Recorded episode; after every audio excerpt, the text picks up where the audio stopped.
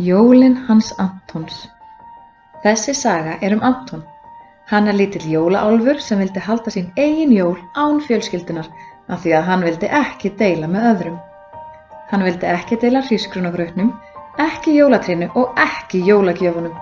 En heldur þú að það hafi verið góð hugmynd hjá Antoni? 16. desember Nú er allt að verða tilbúið í kofanum fyrir jólin.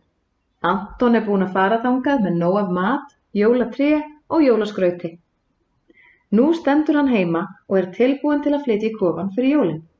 Hann klæði sig vel, dregur húfuna niður fyrir eyru og fer út. Þar hittir hann Alfred sem er að leika við gæsinar og pappa sem er að ræða eldi við inn í skúrin. Jæja, segir Anton. Nú er ég tilbúinn til að flytja í kofan og ég kem ekki tilbaka fyrir en eftir jól. Ó, ertu nú viss um það, spyr pappi. Ég vildi helst að við værum öll saman þegar við borðum jólamatinn og dönsum í kringum jólatrið. Já, en nú verður þið að vera án mín, segir Anton. Ég ætla að vera einn á aðfangadagskvöld og ég er vissum að þetta verða bestu jól sem ég hef nokkru sinni lifað. Hann fer inn í eldhús og kveður mömmu.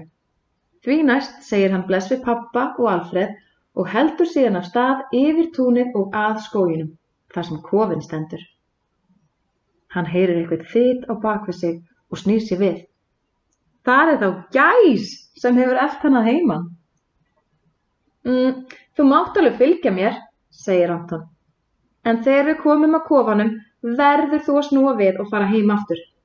Ég vil nefnilega vera einn með jólunum mínum.